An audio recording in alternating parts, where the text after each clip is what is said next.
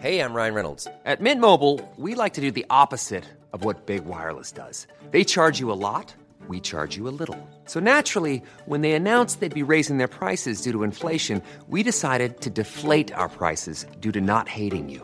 That's right. We're cutting the price of Mint Unlimited from $30 a month to just $15 a month. Give it a try at mintmobile.com slash switch. $45 upfront for three months plus taxes and fees. Promo rate for new customers for limited time. Unlimited more than 40 gigabytes per month. Slows. Full terms at mintmobile.com. Hey, I'm Ryan Reynolds. Recently, I asked Mint Mobile's legal team if big wireless companies are allowed to raise prices due to inflation. They said yes. And then when I asked if raising prices technically violates those onerous two year contracts, they said, What the f are you talking about, you insane Hollywood ass? So to recap, we're cutting the price of Mint Unlimited from $30 a month to just $15 a month. Give it a try at mintmobile.com slash switch. $45 upfront for three months plus taxes and fees. Promo rate for new customers for limited time. Unlimited more than 40 gigabytes per month. Slows. Full terms at mintmobile.com. A lot can happen in three years, like a chatbot may be your new best friend. But what won't change? Needing health insurance. United Healthcare Tri Term Medical Plans, underwritten by Golden Rule Insurance Company, offer flexible, budget friendly coverage that lasts nearly three years in some states. Learn more at uh1.com.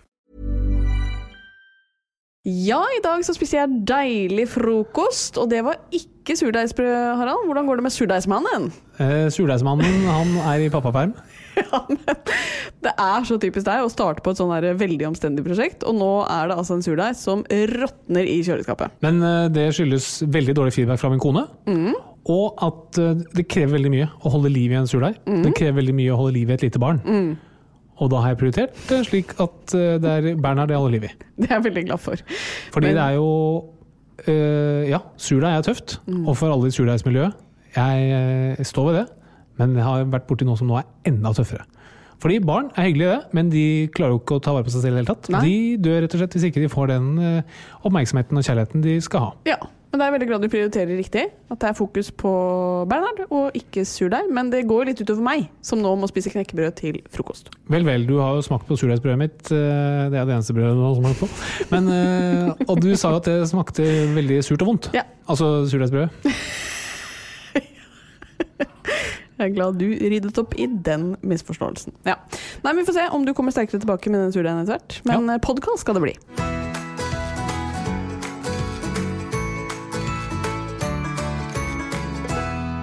Hei og velkommen til en ny episode av Åpen journal.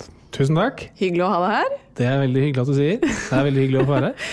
For vi er jo tilbake i podkaststudio, naturlig nok med en liten kamerat eh, på armen. Ja. Men eh, du har veldig mye barn og fødsel sist, så denne episoden blir barnefri.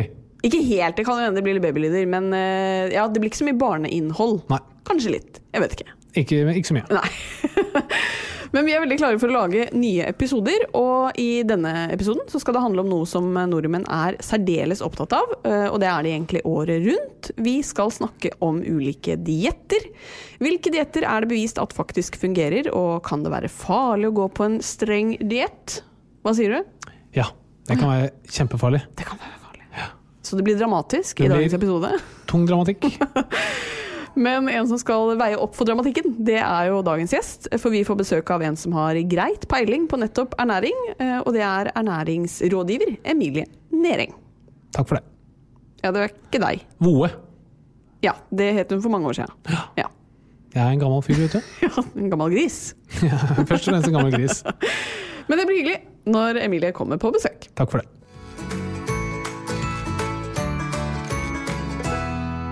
Vi må jo snakke litt om eh, den nye tilværelsen. Selv om det skal være litt sånn barnefri uh, podkast, så er det jo ikke til å komme unna at du har blitt pappa, Harald. Nei, det er meget godt observert. Det har jeg faktisk. Jeg er blitt pappaen til Bernhard. Hvordan syns du det går? Det går veldig bra. Han er en veldig snill fyr, som øh, han har åpenbart arvet av meg. Ja, Og så blir han ordentlig grinte innimellom. Det har han fått fra deg. Når han er sulten. Han er sulten. Ja, og det er fullt forståelig. Um, ja, han har arva litt av deg og meg, uh, og jeg liker jo å tenke at jeg takler den nye tilværelsen ganske godt, faktisk. På imponerende vis, som om jeg skal si det selv. Det har gått veldig bra, da. Ja, det har gått veldig fint. Han har vært veldig, veldig snill. Ja, vi har vært eh, veldig heldige, føler jeg, med en snill baby. Men masse følelser i sving. Jeg forstår nå at folk kan bli deprimerte. Jeg forstår at folk kan bli gærne av ungene sine. Ja. Kan, ja, jeg skjønner det. Av lite søvn. Ja, og det at uh, du blir veldig glad i dem. Du vil gjerne trøste dem og gi dem kjærlighet osv. Mm. Men hvis du ikke kan det, det er veldig vondt å se, og du, du føler liksom at du blir avvist. Nå har vi ikke opplevd det så mye, men de gangene hvor han gråter uten at vi helt vet hvorfor, det er liksom vanskelig. Ja. Jeg skjønner at det er mye sterke følelser i sving. Definitivt. Og du har jo uh, rett og slett gått inn i det som kalles ammetåke. Ja. Og det syns jo jeg er litt fascinerende, fordi uh, jeg tenker at kanskje det var noe jeg skulle rammes av, ikke du? Det trodde du. Skal du ta den opp, eller skal jeg? Jeg skal ta den opp. Så kan jeg forklare imens hva som har skjedd. Fordi eh, jeg ammer jo, det gjør ikke Harald. Men eh, han har rett og slett eh, gått inn i ammetåke, som gjør at det er ikke han Nei, det er ikke jeg som er eh, distré om dagen, det er eh, Harald selv. Eh, eksempler på det er jo at du eh, i går skulle ta på deg sko, og da sier du til meg 'jeg finner ikke den andre sokken min'. Og så ser jeg ned på føttene dine, og så sier jeg 'men du har jo begge sokkene dine på deg'. For en historie. Jo, men det er jo et godt eksempel på at du er litt i tokka. Ja, absolutt. Men jeg, jeg, sånn der småbarnshistorie tror jeg vi mm, skal ha lite av fremover. Det er sånn som folk som ikke har barn. Ja. der, Nei, så kom Harald, og så, og så satt han middagsbordet med hjelm på, for den hadde han glemt å ta av. Jeg tror det er veldig irriterende for folk som ikke har barn. Men for oss som har barn, så er det Ja. litt koselig. Helt enig. Og litt av det kommer det til å bli. Men for å gå over til noe som kanskje ikke er liksom direkte på barn, så har du kommet opp med en genial gründeridé når det kommer til bleieskift. Ja. Det, dette, den er up for grabs der ute. Eh, vil gjerne bare ha en viss prosent av fortjenesten. Men eh, å skifte bleier, de bæsjer jo. Og det er bæsj overalt, og inni valker og under testikler osv. At ikke noen har funnet opp en sånn slags gryte, det blir ikke en gryte da, men som ser ut som en eh, gryte, hvor du bare dypper barnet nedi, som da er som en sånn bilvaskeri med høytrykksspyler og børste, som børster overalt, og så tar du den opp, og så føner den, og så tar du den opp en tørr, og ren baby. En dispenser, liksom. Sånn Nei, en sånn barnevaskeri, barnerumpevaskeri. Ja. Eh, Men du ville gi bort den ideen, som er så genial. Ja, for akkurat nå har jeg ikke tid til å lage den sjøl. Men jeg hadde kjøpt den. Jeg hadde kjøpt den lett. Ikke sant. Eh, men det er greit. Eh, apropos avføring. Det er en nydelig overgang. Så har jo jeg eh, vært gjennom en fødsel, eh, og dette skal ikke bli for ekkelt. Men eh, det fører til en litt eh, skal vi si, artig historie. Skal vi si det? Skal vi si det? Eh, Jeg vet ikke, men i hvert fall det som skjedde, var at eh, man kan jo bli liksom litt hard i magen etter fødsel. og dr. Doblaug hadde visste råd eh, som skulle hjelpe meg mot dette. Eh, Så du ga jo meg en pille som du mente at eh, kom til å bløtgjøre magen, men ikke liksom eh, Altså, det, hender jo at også vi leger skyter ørlite grann fra hoftan. Og dette var jo avføringspiller som ikke engang var på resept, så da tenker jeg at da kan det jo ikke være noe særlig fart i de. Nei. Så, du sa, så spurte jeg men er det sånn at jeg må liksom sitte på do når jeg tar dette. Nei, det var ikke noe problem. Det bare kom til å gjøre det liksom litt enklere. Så da eh, vi skulle få besøk av en helsesykepleier på sånn hjemmebesøk, hvor du er ganske opptatt av å fremstå som en veldig harmonisk, eh, trygg familie, så tok jeg denne pilla, eh, og så banka det på. Og idet hun og jeg setter oss ned i sofaen, og jeg kjenner at nå fungerer denne pillen umiddelbart veldig godt, så kaster jeg nærmest Bernhard i dine armer og løper på do. Da er du veldig glad du har brun sofa. Nei. Men da satt jo du og kosa deg glugg med at du hadde gitt meg denne fantastiske pillen, som ikke skulle gi umiddelbar effekt. Ja, det kan jeg få skryte litt av akkurat den reseptfrie pillen her. Hvis du er treg i magen, ta den. Da løsner det. Så jeg må bare si tusen takk for det, Harald. Jeg fremsto som en eh, mor som ikke var interessert i barnet sitt, og ble jo borte i relativt lang tid. Ja, for du sa at du holdt deg fast på dassen, Julie? Ja, det var, altså, det var rakettutskyting. Veldig effektivt, men eh, ikke å anbefale når du får folk på hjemmebesøk. Så du kom til Dr. Doblaug med problemet med at du var forstoppet, og gikk fra Dr. Doblaug uten å forstoppet? forstoppet. Men eh, ja, du hadde ikke helt riktig beskrivelse av hvordan den kom til å virke. Men eh, det var rett og slett eh, ukas artige historie, kjenner jeg. Og så fremover så vil vi ha hver uke at Katarina tester ett nytt legemiddel. Hun vet ikke hva det er på forhånd, og så skal vi fortelle om virkninger Virkning. Nei, jeg kommer ikke til å ta imot noen eh, legemidler fra deg fremover. Dagens tema er noe ekspertene aldri blir enige om. Verken om det er sunt eller ikke, eller hva som rett og slett fungerer best. Dagens tema er nemlig dietter, og det er noe vi nordmenn er veldig opptatt av. Og det er jo fordi vi får så utrolig mange råd fra alle kanter. Eh, Det er jo helt sånn umulig å vite nesten hvor jeg skal begynne eh, denne spørsmålsrunden, Harald. Eh, Men én ting er jo hva som gir resultater på vekten, en annen ting er jo hvor sunt det faktisk er å gå på diett. Hva har du å si til det? Altså Diett betyr jo bare at du spiser etter et visst sett med regler. Eh, og som regel på bakgrunn av at noe ikke er som det skal i utgangspunktet. da. Og Det vanligste er selvfølgelig å gå på diett mot overvekt, altså for å slanke seg. Men man kan også gå på dietter mot f.eks. jernmangel eller mot eh, høyt blodtrykk osv. Og, så og da vil jo diettenes jobb være å få deg til å få en sunnere kropp. Og det er jo i utgangspunktet eh, veldig bra. Så diett er jo laget for å skulle være sunt, da. Okay. Og det blir jo først usunt hvis, um, hvis diett blir en sykdom, blir en plage. F.eks. ved anoreksi. Det er åpenbart at du følger en diett som ikke er sunn. Mm. Ja, Men hva skal til for at en diett gir resultater, da? Eh, I de aller fleste tilfeller så er det bare én enkelt ting, og det er at diettene overholdes. Eh, jeg tør å påstå at alle slankekurer for eksempel, de virker. Man må bare holde seg til de. Eh, og altså, sunt, bare for å ta det spørsmålet igjen. Det er jo stress for kroppen å gå ned i vekt. Er, kroppen vil jo på en måte ikke det. Eh, kroppen vår er hyperintelligent og skjønner veldig mye, men den vil jo gjerne bevare energireservene. Så det er jo, det er jo å påføre kroppen stress, det er det absolutt. Men du kan si at følgene av å gå ned i vekt er jo ofte veldig positive. Mm. Så fremt du er overvektig i utgangspunktet. Ja, det er viktig å understreke. Men du sier at uh, du tør å påstå at enhver diett ville fungert hvis du bare følger den til punkt og prikke? Ja, hvis hvis du snakker om diett som ensbetydende med en diett mot overvekt, ja. så ja. ja. Men hvor lang tid uh, må man på en måte regne med at det kan gå før man skal se om en diett har fungert? Hvis jeg kan stille det spørsmålet sånn. Ja, altså Idet du begynner på en slankekur, så har det en umiddelbar effekt på kroppen. Fordi kroppen er jo avhengig av en viss mengde kalorier for å overleve hver eneste dag. Så hvis du ikke gir den, den maten utenfra, eller de kaloriene utenfra, så begynner den å tære på egne ressurser. da, Som i all hovedsak betyr forbrenning av eh, fett. Hvor fort du begynner å se det, kommer selvfølgelig an på hvor streng dietten er, hvordan utgangsvekten er eh, i utgangspunktet, og litt andre ting. Og så Husk at én kilo fett på kroppen det tilsvarer ca. 7500 kalorier. Og kroppen vår er utrolig god på å justere eget kaloribehov. Hadde du spist f.eks. et eple om dagen i tillegg til det du spiser, så hadde du lagt på deg tre kilo i året. Hvert eneste år. Av ett eple? Ett eple om dagen, ja. Oi. Eh, så det er, ganske lite som skal til. Men ja. det klarer kroppen å regulere på, eh, på, en meget god måte. Ja, Hvordan regulerer den det? Nei, du, altså, eh, Det hender jo en dag at du spiser et eple og ikke et eple, og da regulerer kroppen sulten og aktivitetsnivå. Den har jo mange måter å justere dette på. Har den det? Ja. ja men hvis du er ute og ja, går mye, så blir du mer sulten. Ja, ikke sant. Uh, ok, det var overraskende. Men så har Du jo, du kan jo på en måte hijacke litt, og det er det man snakker om med kombinasjoner av sukker og fett. at at det er så kall det unaturlig at kroppen klarer ikke helt å forstå for å si det enkelt, da, hvor mye kalorier det egentlig er i det. Mm -hmm. Så hvis du hiver ned på en hel plat, stor plate med sjokolade, så blir kroppen sulten igjen før den har forbrent de kaloriene. Ja, Hvorfor det?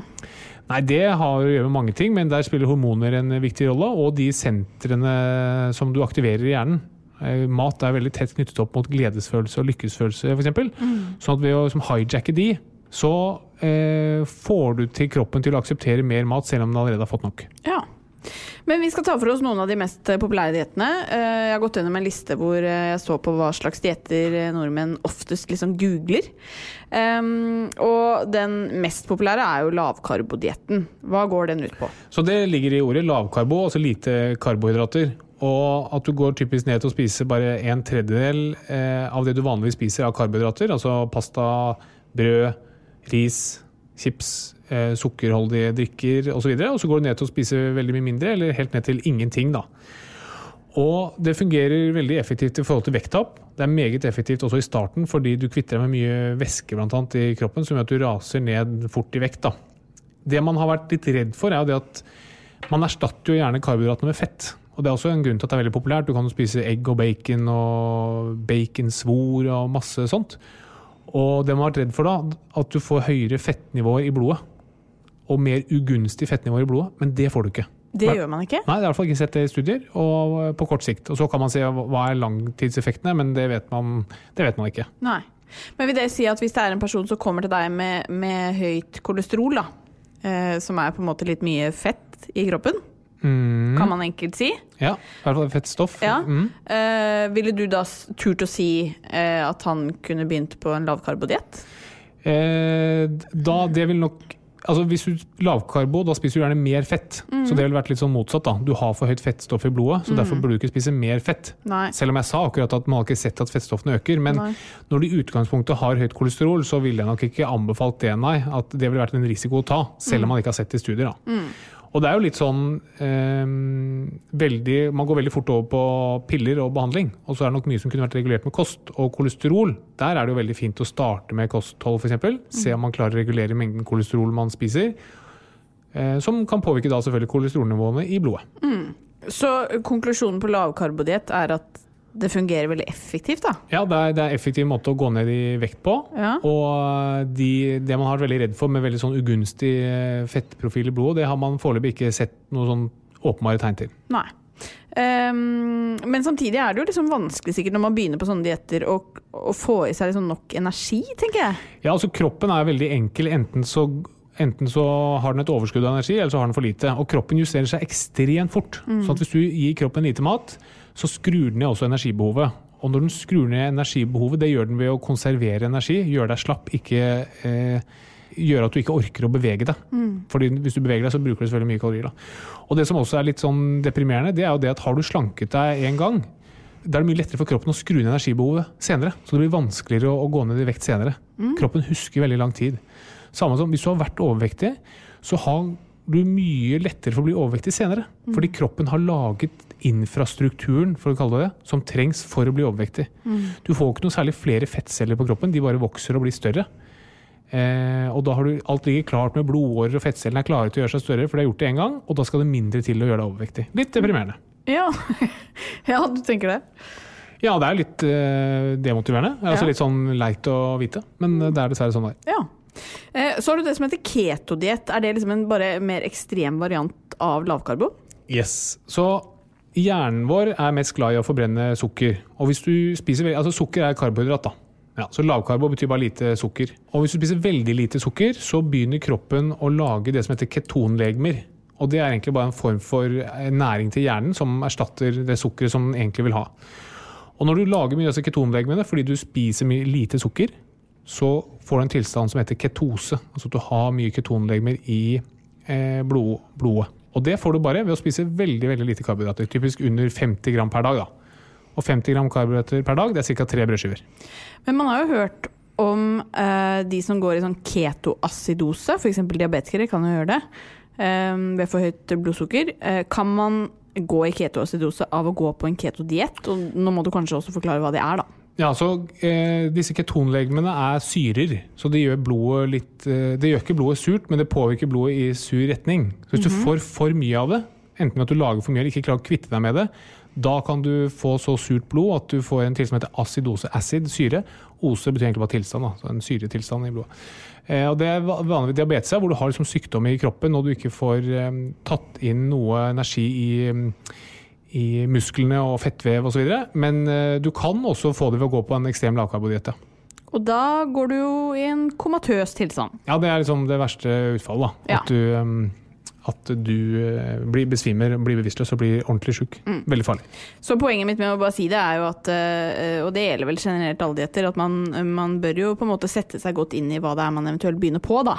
Ja, absolutt. Ja. Men en annen ting nordmenn er opptatt av, er jo dette med antall kalorier-diett. Altså F.eks. at man bare bestemmer seg for at eh, jeg skal spise under så og så mange kalorier per døgn Ja. for å gå ned i vekt. da. Ja. Eller at man skal spise så og så mange kalorier for å gå opp i vekt. Yes. Um, funker det?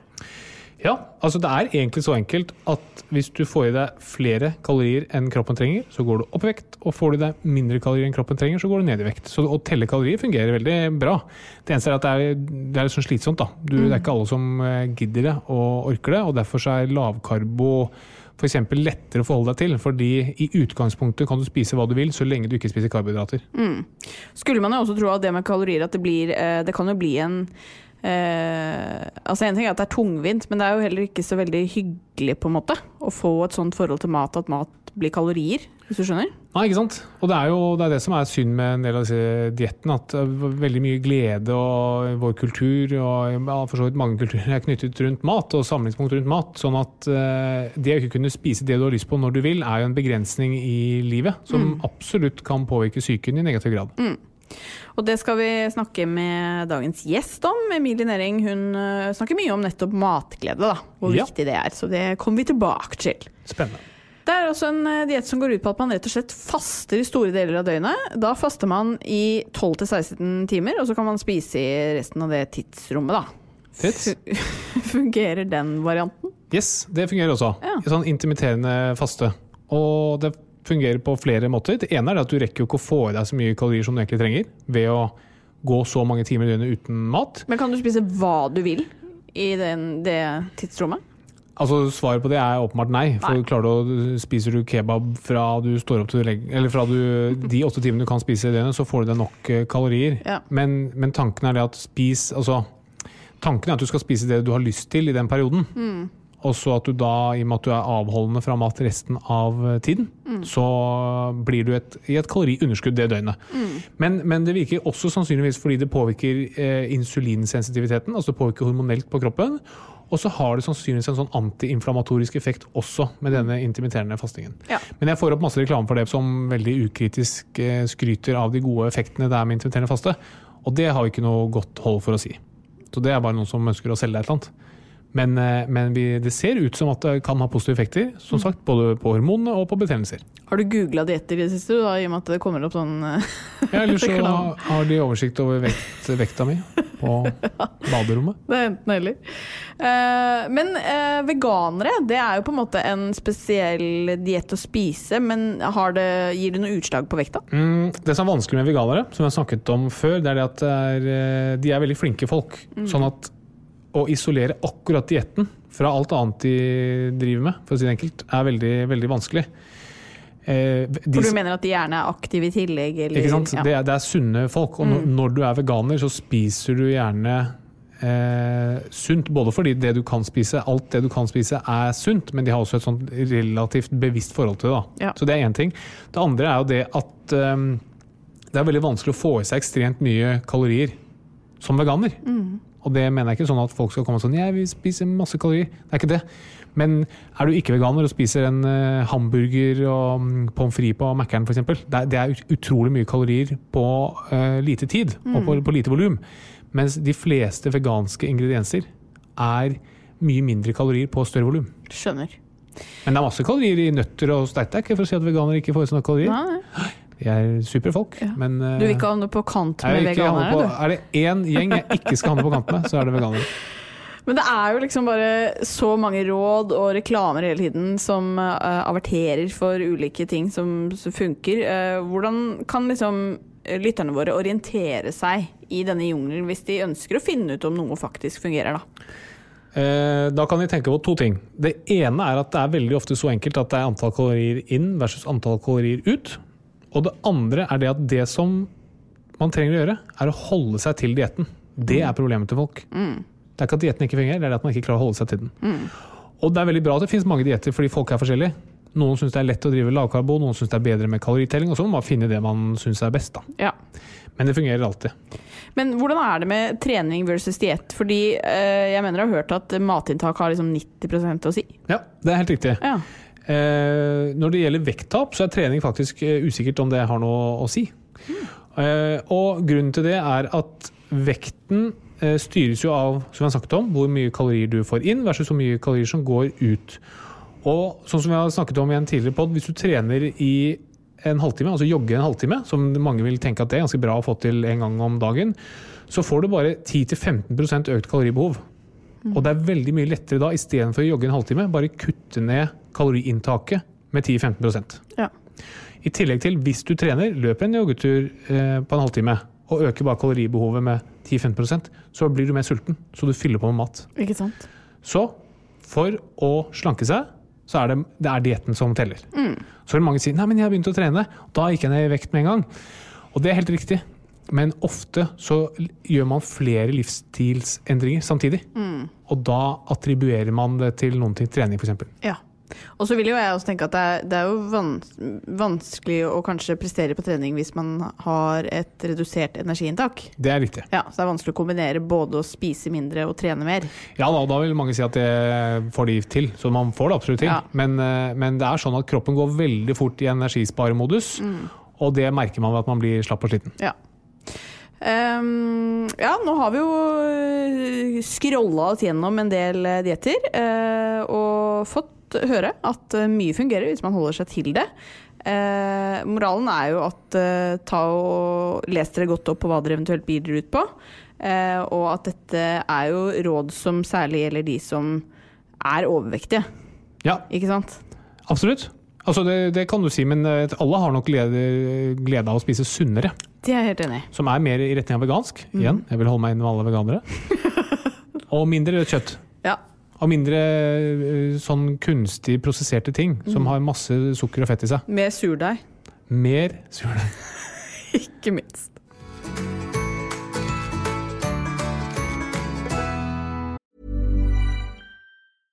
Hey, I'm Ryan Reynolds. At Mint Mobile, we like to do the opposite of what Big Wireless does. They charge you a lot, we charge you a little. So naturally, when they announced they'd be raising their prices due to inflation, we decided to deflate our prices due to not hating you.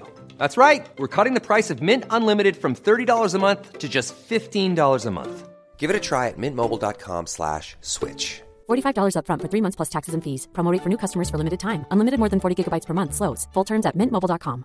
When you're ready to pop the question, the last thing you want to do is second guess the ring. At Bluenile.com, you can design a one of a kind ring with the ease and convenience of shopping online. Choose your diamond and setting. When you find the one, you'll get it delivered right to your door. Go to Bluenile.com and use promo code LISTEN to get $50 off your purchase of $500 or more. That's code LISTEN at Bluenile.com for $50 off your purchase. Bluenile.com code LISTEN. Ryan Reynolds here from Mint Mobile. With the price of just about everything going up during inflation, we thought we'd bring our prices down. So to help us, we brought in a reverse auctioneer, which is apparently a thing. Mint Mobile unlimited premium wireless. Ready to get 30, 30, bit to get 30, bit to get 20, 20, 20, bit to get 20, 20, bit to get 15, 15, 15, 15 just 15 bucks a month. So, Give it a try at mintmobile.com slash switch. $45 upfront for three months plus taxes and fees. Promo for new customers for limited time. Unlimited more than 40 gigabytes per month. Slows. Full terms at mintmobile.com. Vi har jo fått inn eh, et eh, lytterspørsmål. Det renner inn med spørsmål på Åpen journal-profilen på Instagram. Um, og denne uken så er det et som handler om morsmelk, og mulig jeg har valgt ut fordi jeg er litt nysgjerrig selv. Men det er en som spør om, um, om det vil være sunt for et voksent menneske å drikke morsmelk. Ja, det er et ganske bra spørsmål, fordi det baserer seg sikkert på at alle hører hvor sunt morsmelk er, og hvor eh, bra det er for både barn og mor at man ammes. Men for et voksent menneske så vil det ikke nødvendigvis være like sunt, fordi det er veldig sunt for et nyfødt barn. Eh, Det er jo ekstremt energitett, det er som å drikke fløte, og det er veldig få voksne mennesker som har godt av å drikke fløte. Og for det andre så inneholder det en del stoffer, enzymer, eh, antistoffer fra mor, som er med å holde barnet infeksjonsfritt. Og det vil nok sannsynligvis ikke et voksent menneske kunne nyttiggjøre seg av på samme måte som det et lite barn får. Nei. Men man kan jo eh, amme andres barn. Altså For et, mm. sunt, et lite spedbarn så er det også sunt med andres eh, morsmelk. Men eh, akkurat for voksne så finnes det sunnere alternativer til både mat og drikke enn morsmelk. Ja. Kommer du til å smake på min morsmelk? Eh, jeg tenkte på forhånd ja, og så tenkte jeg veldig nei. Og nå tenker jeg sånn Jeg gir jo den melken til det jeg er mest glad i i hele verden. mine barn, Så jeg, burde, jeg skylder han kanskje å smake på det. Ja. Jeg har ikke smakt selv ennå, men fullt mulig at jeg gjør det. Man blir jo nysgjerrig. Ja, Men samtidig ikke. Jeg skjønner hva du mener. Skjønner hva du mener.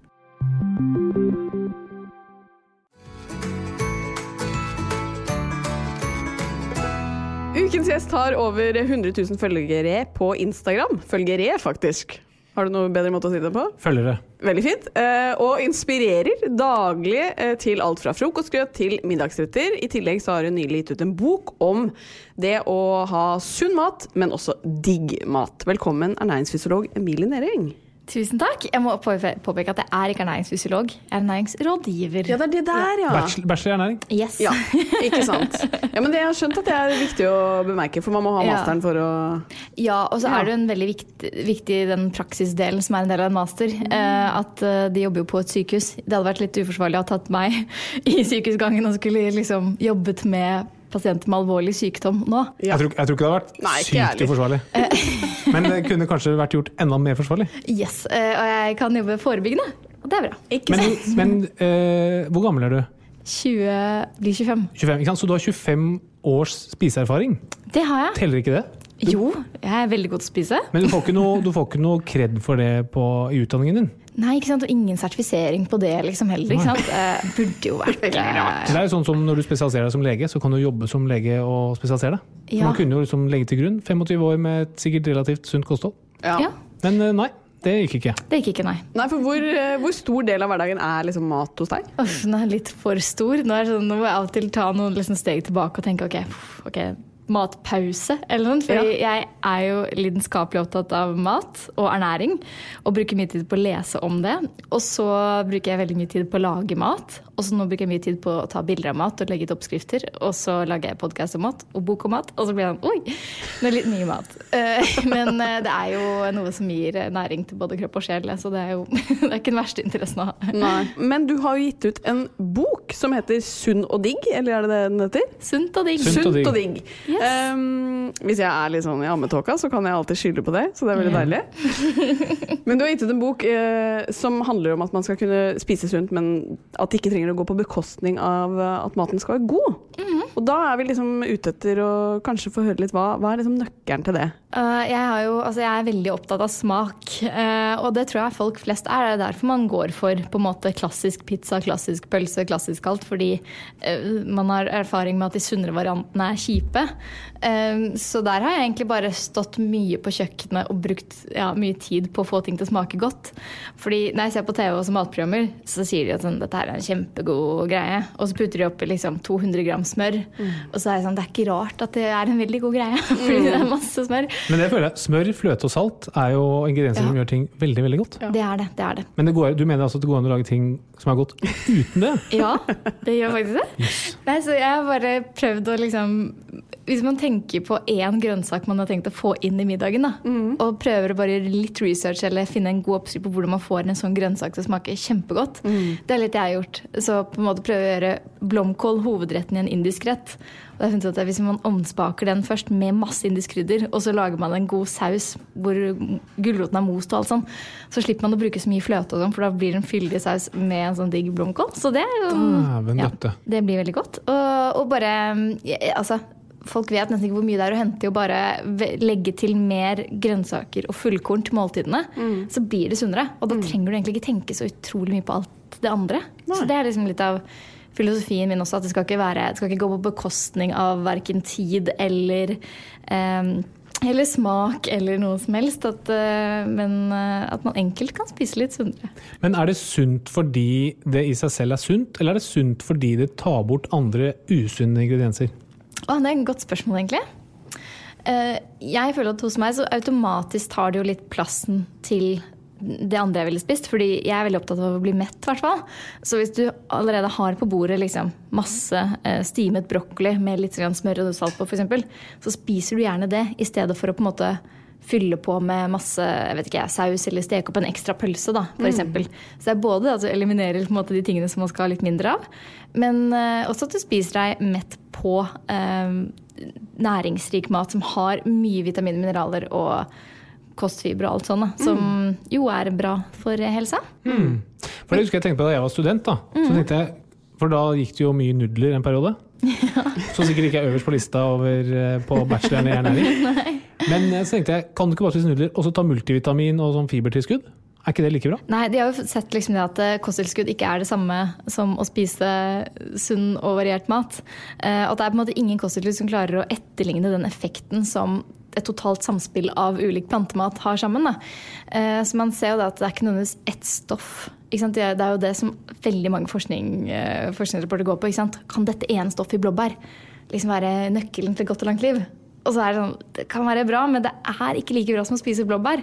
Og det er da man skjønner at en matvare er satt sammen av mer enn bare næringsstoffer. da. Så mm, det er det man må tenke litt på. Og at det skal føles bra, ikke sant? fordi du kan på en måte spise ekstremt sunt uten at det heller er sunt. Ikke sant? Hvis du konstant, hvis det går på bekostning av det sosiale livet, så Ja.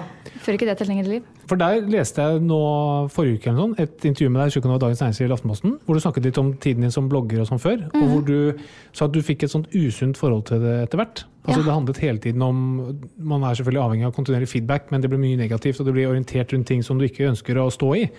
Men er du redd for at det kan bli sånn med mat også? Litt som du sa innledningsvis her, at ja, det blir mye mat hele tiden. Er du liksom litt bevisst på det? At det må ikke liksom skli helt ut? Ja, absolutt. Og at um, Jeg tenker litt sånn på det at nå som jeg alltid eller jeg har, sånn, jeg har lagt ut bilder av nesten alt jeg har spist. ikke sant? Og det er åpen for at folk kan ha meninger om det jeg spiser. Og jeg tenker også Det er sånn som man egentlig ikke trenger å ha andres meninger om. Ehm, så nå er det litt sånn at jeg heller prøver å legge ut litt få, men bedre oppskrifter. Og så at jeg på privaten kan spise hva jeg vil uten å tenke over at det verken skal se så bra ut, eller at det skal være så riktig. da. Fordi det er det som jeg tror gjelder veldig mange jenter som, som meg, f.eks. Eller eller gutter også med opptatt av ting skal være så riktig, er at du føler at da, blir, eh, da er det plutselig veldig mange matvarer som kan bli veldig feil. Og det gjelder også faktisk litt med sånn eh, Det er jo veldig i vinden å spise vegansk, f.eks., og det er veldig bra.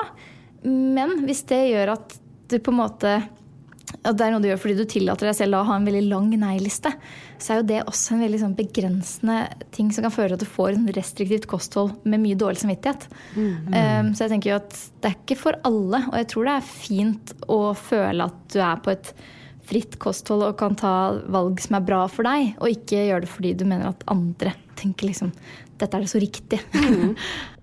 Men um, jeg kan jo tenke meg at det er veldig mange som på en måte ser opp til deg når det kommer til matvalg også. Eh, Hva er det liksom folk flest liksom spør deg om når de sender deg meldinger på Instagram eller Det er veldig mye. Det er veldig mye sånn Er dette sunt? Ja, ikke sant? Sender du bilde da? Ja, f.eks. av en eller annen eh, et proteinpulver eller noe sånt. ting. Og så er det sånn Det er alltid det sånn Det spørs hva er målet, hvor mye, hvor ofte. Det er jo alle sånne ting. Ellers er det mange som bare lurer på eh, om de får i seg nok, eller om folk som har en et vektproblematikk, som ønsker å gå ned i vekt og ønsker råd. Eh, andre som også ønsker å gå opp i vekt, faktisk. Det er en sånn problemstilling som man ikke tenker så mye over da, at fins. Mm. så det er eh, det, men jeg får veldig gode spørsmål, som også tvinger måte meg til å måtte lære mer. Og det syns jeg er veldig bra. Men så er det veldig mange, jeg har også merket at folk er veldig opphengt i detaljer ofte. Og det er ikke detaljene som, om, eh, som har noen betydning for folkehelsa. Sånn at folk spiser mer ingefær, f.eks. Er ikke det som skal til for at liksom, eh, folkehelsa blir bedre. Eh, og det er sånne ting som folk er veldig opptatt av, de der små detaljene. da. Og ikke se på det store bildet. Ja, ikke sant. Bare spise litt mer grønt, liksom. Så ja. Hva er du minst stolt over at du spiser? da? Har du en sånn dirty secret? Jeg ser ikke på det som så dirty secret, men jeg, altså jeg er så glad i alt, da. Herregud. Jeg kan spise det, er spist hva liksom som helst. rosiner er det liksom det verste du kan spise? Eller er det mer sånn Nei. kebab? Ah, kebab, ja. Det er min dirty secret, kanskje. Ja, Ja, det var på Så Skal vi danse i fjor, så spiste jeg kebab nesten hver uke. Ja Det var sånn- Og det har gått bra? Ja da. Det var eh, liksom, jeg husker hele uka så var det bare sånn Ja, spiste mye rask mat, og så var jeg bare sånn Og så spiste man aldri middag, ordentlig middag på de dagene. Du vet jo hvordan det er, ikke sant? Ja, ja. Du spiser middag klokken to, kanskje. Ja. Og så når du er eh, etter sending er dritsulten, og så er det bare kebabsjappa det eneste som er åpent. Ja, yes. så jeg har jo noen sånne ting. Og så tenker jeg det er også viktig for folk å vite, fordi jeg legger jo ikke ut bilde av det, Mm. på en måte. For det faller seg ikke naturlig å ta bilde av. Det er Nei, og det gjør seg ikke feeden. Det er ikke like fint i det. feeden, liksom. Men det er litt viktig å få fram at Ja. eh, det, det er noe kebab mellom linjene på den feeden der. ja, det er det. Og kanskje bacon crisp og Ja, det er ikke så glad i. Men jeg er veldig Ja, is og sjokolade, liksom. Det Mm. elsker jeg jo. Og det prøver jeg altså Det er jeg måte blitt flinkere til, til å legge ut bilde av, fordi jeg vet det er viktig for folk å se. da. Mm. Og jeg vet også sånn eh, For jeg får veldig mye meldinger av folk som sier at de har slitt med en spiseforstyrrelse før, Mm. men at de nå liker og så godt å se at noen kan ha et balansert forhold til mat, og at det ikke trenger å være så svart-hvitt og veldig strengt. Mm. Og jeg tenker Det er så viktig at jeg opprettholder det. da. Ikke sant? At jeg ikke- At jeg ikke blir en av de som på en måte legger ut alt som er så riktig. på en måte. Ja. Men det var litt interessant det som du sa i det intervjuet igjen, da, for å gå tilbake til det. at man starter gjerne et sted, og så blir man direkte dyttet litt mer i en retning. da. Litt sånn som du hadde bilde av deg selv med klær. Du tar bare bildene hvor du ser sånn og sånn ut. At kanskje man dras i en retning hvor du sier du tar ikke bilde av kebaben f.eks. Ok, nei, og så plutselig kanskje man nei, tar ikke bilde av ting med ost i f.eks. Og så sitter man igjen med et sånn perfekt bilde. da. Ja. Så det er jo det med å klare å holde litt på den balanserte rollen og si at vet du hva, dette er som det ideelle kosthold som jeg også skulle likt å spise, men selv jeg hiver i meg en kebab og en Pepsi Max. innimellom. Men det syns jeg du er veldig flink til, Milje. Emilie. I hvert fall å liksom være Ikke nødvendigvis på maten, men eh, jeg vet du la ut en Det var vel en story på Instagram hvor du mm. prøvde å trene i en sånn tuftepark. og du klarte liksom ingen av øvelsene. Uh, uten at det var noe sånn påtatt, da. Ja, ja. Eh, det var ikke sånn 'se så dårlig'. Det var bare Du prøvde oppriktig, og det gikk ikke. uh, og den fikk du veldig god respons på, skjønte jeg. Og det er det mest populære jeg har lagt ut noensinne, tror jeg. Ja. Altså, det var en story som jeg vanligvis får 20 000-30 000 seere på. Mm. Så fikk jeg vel 60 000-70 000 på den storyen, fordi folk sendte den videre, og det var bare sånn Innboksen sprengte. Og, liksom. og det er det som er gøy, at man ser da hvordan eh, ting folk, folk liker å kunne kjenne seg igjen i, i deg. Da. Mm. Men jeg tror det er det som de aller fleste influensere kan kjenne på, er jo det at når man får, det er så mange som mener om deg, Mm. så blir du på en måte mer politisk korrekt. Du blir mer og mer formet av at Fordi du orker ikke få negative tilbakemeldinger. Og da tenker jeg da er det det er viktig å min- bli minnet på at folk liker å kjenne seg igjen i det. At det skal, Vi er alle vanlige mennesker, på en måte. Men vi må snakke litt om uh, dietter da med ernæringsrådgiveren. Fordi Ja. vi har snakket om uh, ulike dietter her i dag. Hva er liksom din uh, generelle oppfatning av dietter? Er du noen fan av det? Egentlig ikke, for det er jo kortvarig. Ikke sant? Eller Det er litt det begrepet vi har her i Norge. Altså I England så heter det jo a diet, er jo på en måte kosthold. Mens her er, i Norge er på en måte diett noe kortvarig. Og det, det har jo ikke noe poeng i noe, noe for seg, da, mener jeg. På en måte, fordi man må heller se på uh, hva slags mat man ønsker å spise i lengden. Og hva som gjør at du kan føle deg vel i lengden, i stedet for å på en måte være crazy i tre-fire uker, og så for what? Liksom, du skal leve lenge uansett, så hvorfor ikke se på hva du kan implementere i det lange løp? Da. Men jeg syns jo dietter også er veldig spennende, fordi det fins noen dietter som nærmest kan måte, hacke kroppen litt. Ikke sant? Få deg til å forbrenne andre typer uh, altså forbrenne ketonlegemer f.eks. i stedet for glukose. Og det er jo så, så, den nerden i meg syns det er veldig spennende, men jeg vet jo på en måte at det ikke funker. så det er, I lengden. Ja, I lengden, ja. Ikke sant? Er du, har du vært i ketose, eller går du vært på sånn keto-diett noen gang? Ja, jeg var det. Jeg testet i to uker. Ja. Eh, og det var bare, jeg holdt bare to uker. opp. Det var helt forferdelig, syns jeg.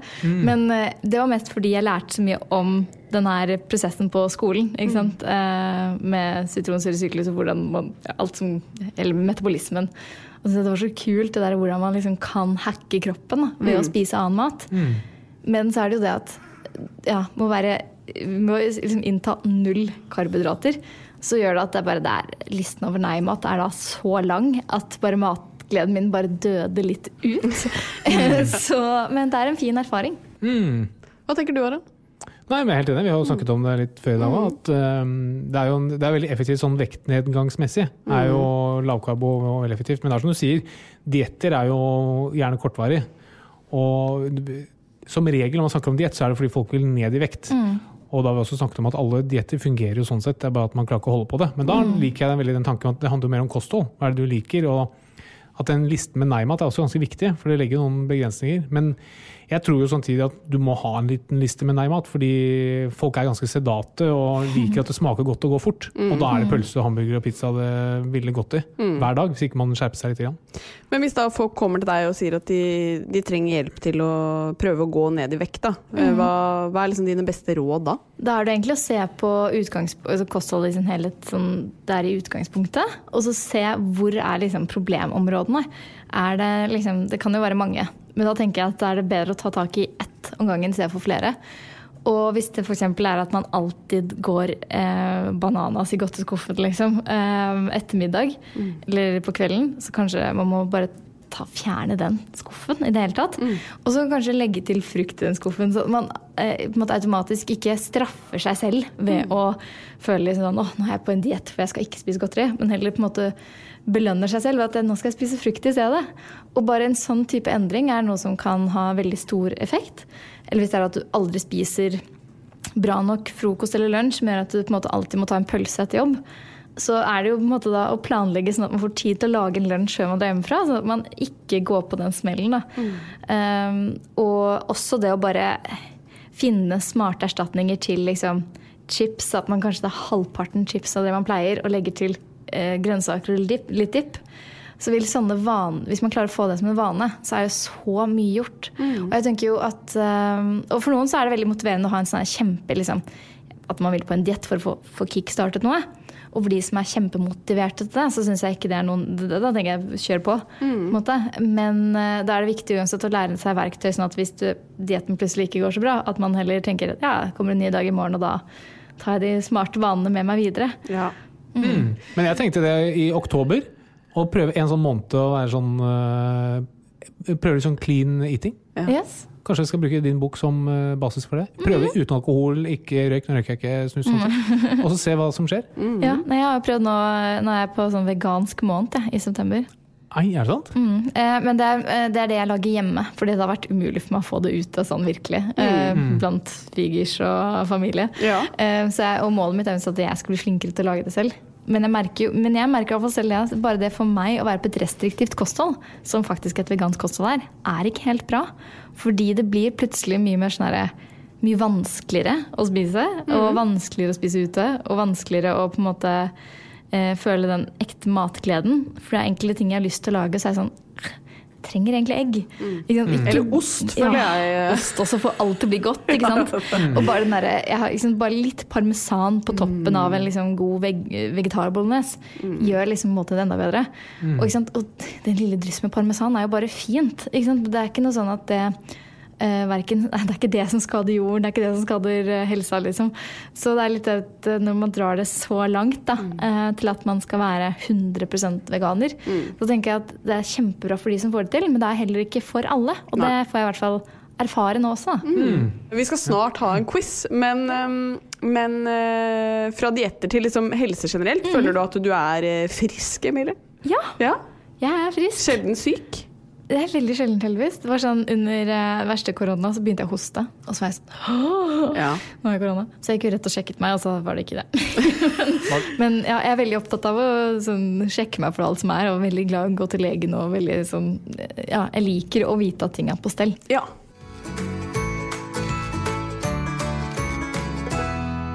Da tror jeg vi ruller videre til ukens quiz, ja, Harald. Ja, Er du klar, eh, Emilie? Eh, nei. Jo da. Jeg håper forventningene her er skyhøye. ja. Og vi sitter jo med én kvinne her som nesten er lege. Tenk deg, Studert fem år medisin. Hun burde jo kunne alt om menneskekroppen. Wow, ja. Og en som har en bachelor i, i ernæring. Så vi forventer, både jeg og lytterne, har ekstremt høye forventninger. Er tema mat, for da blir jeg litt Temaet er selvsagt mat. Ja, Emilie, hva, Hva er en kalori? Å, herregud, jeg hater det der ja. definisjonen der. Det er den mengden som skal til for å varme opp én liter vann én grad. Ok, Det var et forslag. Hva sier du, Katarina? Uh, ja, det hadde jeg aldri gjetta på, men jeg sier det samme som Emilie. Det er helt riktig. Veldig bra. What? Det er altså energimengden som kreves for å varme opp én liter vann én grad. Fascinerende. Takk, Emilie. Da fikk jeg poeng der, da. Da går vi til deg, Katrina. Dette er. Hva er forskjellen på kalori og kilokalori? Kilokalori er eh, per tusendedel. Det høres smart ut. Emilie? Ja, altså, egentlig er det jo, altså, Vi bruker jo kalorier når vi snakker i dagligtale, men egentlig burde jo sagt, alle sammen sagt kilokalorier. For det er det som er målet vårt på kalorier. Ikke sant? Det er den tusendelsformen. Så det er noe Ja. tusen her, ja. Er det ikke det? Jo, men hva, hva er en kilokalori i forhold til en kalori? Å ja. Eh, 1000? Helt riktig. Ja, det var jo Ja, inne du på det. hadde bare ren flaks. Nei. Jo, du var jo Nei. langt ute på viddene Nei. og, tr og trakk et halmstrå som tilfeldigvis var riktig. Fordi hva betyr kilo? Tusen. Tusen. Yes, veldig bra. Neste spørsmål. Katarina, dette kan du. Dette har man lært på studiet. Hvor mange kalorier trenger et voksent menneske hver dag? Eh, 2000 2000 hva? eh, eh, kalorier. Altså to kilokalorier? Ja. Emilie? Ja, eh, altså ca. 30 kalorier per eh, kilo, er det ikke noe sånt da? Uh, Bare sånn cirka tall. ja, 2000-2500, som er Hva for menn. Hva da? Ja, kilokalorier. Så du sier 1000 ganger mer enn Katarina? Ja, men jeg sier 2500 kilokalorier for en mann. Helt riktig, Emilie. Du tok altfor lite. Ok. Det er 2000 kilokalorier. Ok. Um, neste spørsmål, Emilie. Ja.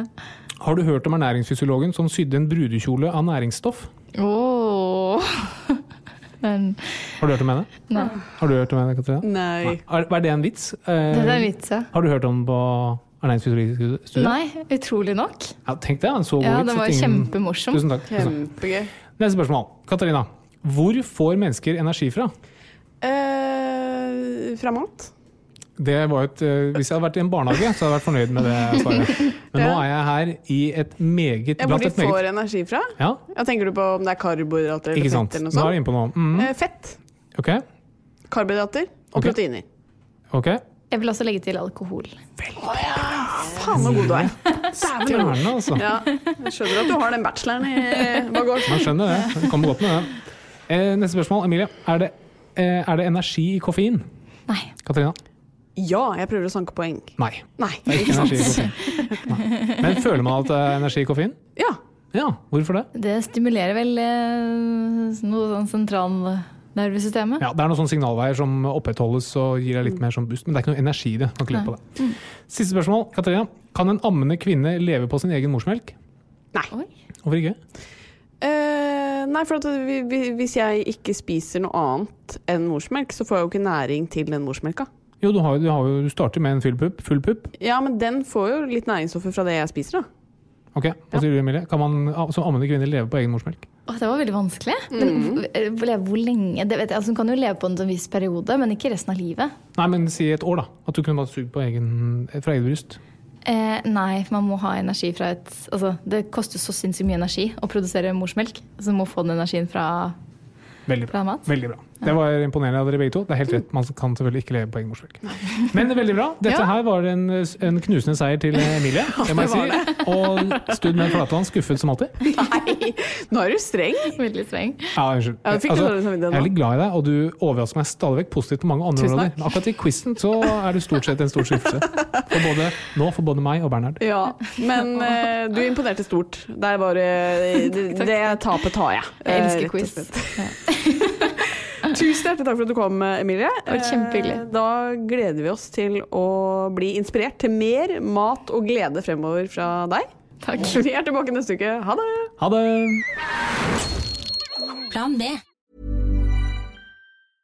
Imagine the softest sheets you've ever felt. Now imagine them getting even softer over time. That's what you'll feel with Bowl and Branch's organic cotton sheets. In a recent customer survey, 96% replied that Bowl and Branch sheets get softer with every wash. Start getting your best night's sleep in these sheets that get softer and softer for years to come. Try their sheets with a 30-night guarantee. Plus, get 15% off your first order at bowlandbranch.com. Code BUTTERY. Exclusions apply. See site for details. Hello, this is Danny Pellegrino, host of the Everything Iconic podcast, and I'm here to tell you all about Splash Refresher because hydration is mandatory, but boring is not. Now, I love my water, but if I don't spice it up, I'm not going to finish what I took out of the fridge. That's why I love my Splash Refresher, which is flavorful, delicious, bright, hydrating, and zero calories. The wild berry flavor is my fave. No, wait. Is the pineapple mango flavor my fave? You know what? All five craveable splash refresher flavors are my fave because they're so delicious. So get hydrated and enjoy it with Splash Refresher. ACAST powers the world's best podcasts. Here's a show that we recommend. The Real Housewives is a guilty pleasure for most, but if you're looking to not feel guilty about that pleasure, tune in to Everything Iconic with me, Danny Pellegrino, where I break down all the messy moments and behind the scenes antics of Bravo's popular franchise. And on Everything Iconic, I also interview celebrity guests like Kelly Ripa, Kiki Palmer, Drew Barrymore, Cameron Diaz, and more about their guilty pleasures, their past work, and so much more. So if you're pop culture obsessed and find yourself watching way too much reality TV like me, tune in to Everything Iconic with Danny Pellegrino wherever you listen to podcasts. ACAST helps creators launch, grow, and monetize their podcasts everywhere. ACAST.com.